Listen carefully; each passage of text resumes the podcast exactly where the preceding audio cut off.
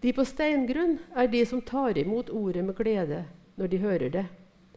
Men de har ingen rot. De tror bare en tid, og når de blir satt på prøve, faller de fra. Det som falt blant tornebusker, er de som nok hører ordet, men som på veien gjennom livet kveles av bekymringer, rikdom og nytelser, så de ikke bærer fullmoden frukt. Men det i den gode jorden, det er de som hører ordet og tar vare på det i et fint og godt hjerte, så de holder ut og bærer frukt. Amen. Er det noen som ikke har hørt den fortellinga her før? Opp med handa. Alle har hørt den. Den teksten hadde de sikkert lest, og så hadde de lest det som står den samme fortellinga som både Matteus og Markus gjengir i sine evangelium. Eh, hva har svaret ditt vært på spørsmålet om hva denne lignelsen betyr? Før jeg sier litt mer om det, så har jeg lyst til å gjøre en ting som jeg tror er veldig viktig, og som av og til noen glemmer av når de skal preke. Det å se på teksten, teksten som står førre, så at vi får konteksten til teksten, det som heter så fint. Altså, Hvilken sammenheng er det vi kommer inn i her? Og Det står i de første tre versene i kapittel 8 hos Lukas at Jesus er på tur. Han reiser omkring i byene og landsbyene og forkynner og bærer fram det gode budskapet om Guds rike. står det. De tolv var med ham. Unnskyld. Og noen kvinner som var blitt helbredet for onde ånder og sykdommer. Det var Maria med tilnavnet Magdalena, hun som sju onde ånder hadde fart ut av. Johanna, som var gift med Kusa, en forvalter hos Herodes og Susanna.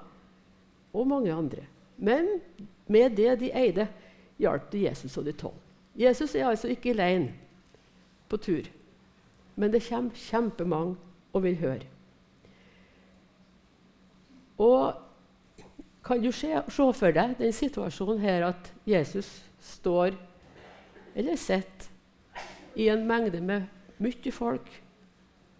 Ta Prøv å forestille deg hva det lukter rundt den, hva slags temperatur det er, hvordan de har det, de som står rundt den.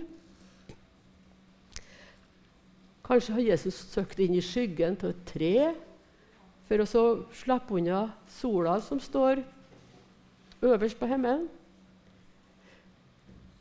Det kan ha mye for seg å tenke seg inn i sånne situasjoner. Prøve å se for seg hvordan det var der Jesus var.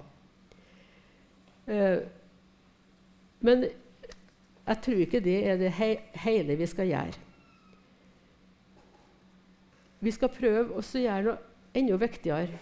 Vi skal prøve å be Gud om å åpne øynene våre, ikke bare for å se det som er rundt Jesus der, men åpne hjertene våre for Den hellige ånd, sånn at han kan få lov til å hjelpe oss til å se det som står i teksten.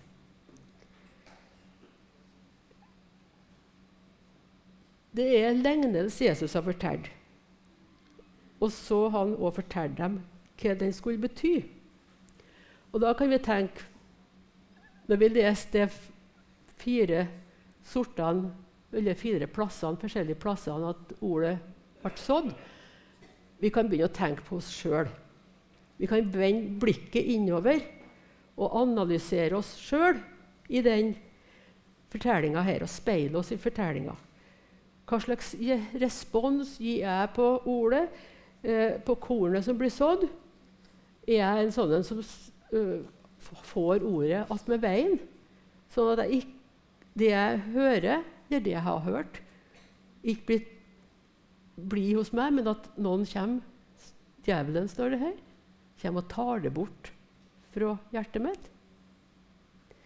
Eller er jeg sånn steingrunn som blir veldig glad når jeg hører det som blir forkynt, og det jeg leser? men som kanskje skygger litt unna når det kommer kristelige ting på, og samtaleemner på arbeid? Eller er jeg sånn som er blant tornebusker? Ikke sånne som stikker, men sånne som kveler livet mitt, det åndelige livet mitt. Ting som er så viktig i hverdagen at det blir viktigere enn Guds ord. Eller har jeg så si, Noen vil si stor tro at jeg tror ordet faktisk har funnet god jord hos meg, og at jeg bærer frukt. Vi kan vende blikket innover når vi leser denne lignelsen. Men vi kan òg vende blikket ut fra oss sjøl. Og så kan vi se på det andre og så begynne å tenke hm, ja, Hva slags jord er hun eller han? Vi kan begynne å bedømme liksom, hverandre på den måten. Og det som er utfordringa da, det er jo det at vi kanskje ubevisst ikke bare bedømmer, men dømmer de andre. Og tenker dem sin tru er ikke så står ikke så bra til der. Jeg tror vi skal ta og se en litt annen retning enn utover og innover. Vi skal se på det som er årsaken til at vi har hele lignelser, på såmann. Han gikk ut og sådde. Og da er det ikke snakk om en sånn målretta, GPS-styrt såmaskin som det du kan få i dag. I dag kan du styre med data hvor traktoren som sår, kjører hen. På millimeteren omtrent. så da går ikke noe korn til spille. Våre besteforeldre tror jeg snakka om og de sånn, Det så ut som en fiolin. Og så tok de og sådde utover kornet sånn. Da var det jo en viss fare for at noe ramla ikke i jorda, men utafor. Men her er det en såmann som er helt annerledes. Han er verken blind eller dum. Han er bevisst når han sår det han sår. Han sår enten han ser det faller på steingrunn, blant torner eller attmed veien. Hva tenker du når du hører det? Har du noen gang tenkt på at de ordene du sier om Jesus, er sånne såkorn? Har du tenkt at hvis jeg sier noe om det her, så er det spilt mye? Eller har du tenkt at når jeg sier noe om Jesus, så er det Jesus sjøl som er i det ordet. Og så kan han faktisk skape det ingen av oss kan skape, nemlig tru.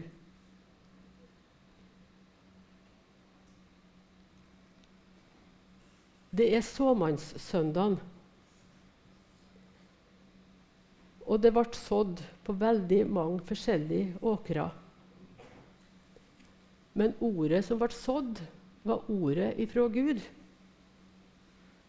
Og ordet fra Gud har kraft i seg sjøl. I Salme 33 så står det at han talte, og det skjedde.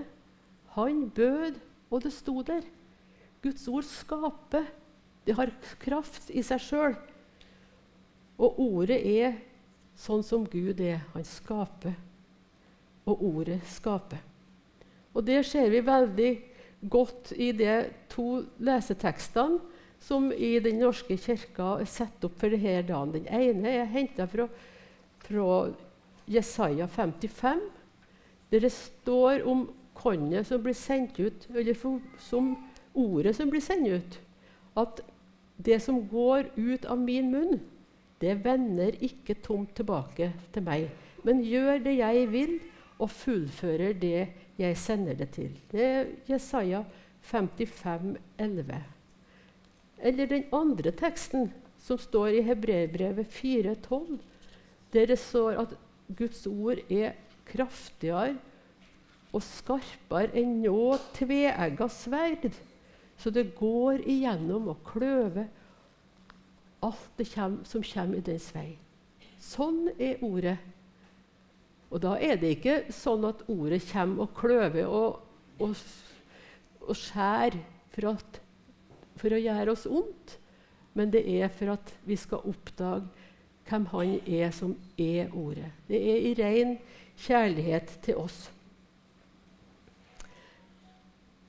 Én har sagt om denne teksten i dag, om såkornet, at det er Guds kjærlighet bor i et lite frø. Og det er sant. Gud er i ordet sitt. Han er sjølve ordet. Vi kommer ikke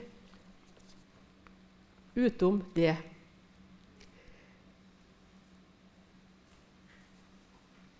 Såmannssøndagen. Vi snakker om jordsmonn, om såmann, om såkorn og forskjellig. Og prøver å forklare hva denne lignelsen betyr. Og vi kan finne fiffige måter å si det på. Men det kan òg bare bli teori for oss. Det er det som er litt av bakgrunnen for at vi vil sende bibler i vårt land, men òg til Egypt. Sånn at ikke bare det her som vi hører, at ordet bare blir en teori, men at det blir noen ting som blir til mat for folk. For kornet som blir sådd, det blir mat. Og det bærer frukt. Og til sjuende og sist så må vi vende blikket litt innover mot oss sjøl og spørre oss sjøl Jeg har ikke et godt hjerte, det vet jeg, men jeg vet at jeg kan få lov til å ta imot ordet, og jeg ber om at det må bære frukt.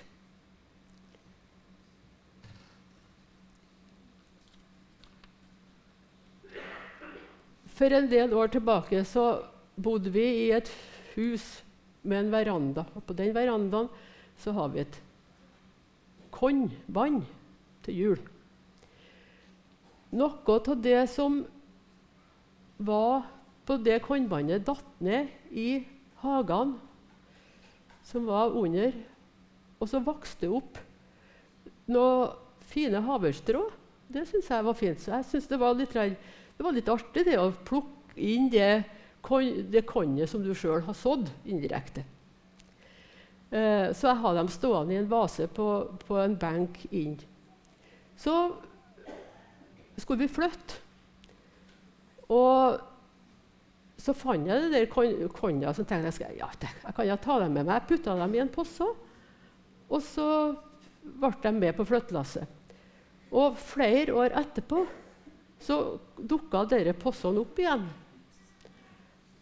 Og så tenkte jeg er det mulig da at, at det går an å få noe uti det konna her? Så jeg, jeg, gjorde det eksperimentet at jeg sådde noen korn. Og dette er da resultatet av det jeg driver med det helt fra Enebakk. For jeg syns det, det, er så godt et vitnesbyrd om hva Guds ord er. Når det blir sådd, så kan det faktisk bære frukt. Jeg vet ikke om noen av dere tør å ta et av det kornene her og prøve sjøl når de kommer hjem. Men jeg skal legge det igjen her. Så de, noen av dere kanskje kan få en liten sånn anskuelsesundervisning og se etter om, og prøve om det er sant. Nå vet vi at kornet som vi har, det er ikke alltid uh, 100% Men vi kan få lov til å ha den tiltroa til Guds ord at det slår alle feil. Og jeg syns det der kornbåndet der, det strået der, ble en liten oppmuntring for meg. For vi har arbeidet i barnearbeid, noen av oss, ikke sant, Sigrun? I mange år. Vi har sådd mye ut av Guds ord. Og så vet vi ikke om det bærer frukt. Da skal vi ta oss og huske på det kornet det faktisk kan ligge i skapen i en plastpose i flere år, og så kommer det opp likevel. Det er krafta i ordet. Den krafta er enda større i ordet enn i et vanlig frø. Hvis ikke kveitekornet faller i jorda og dør, så blir det bare det ene kornet. Og så vet vi at Jesus gikk i døden for oss. Han sto opp igjen, og så er det mulig å få det livet.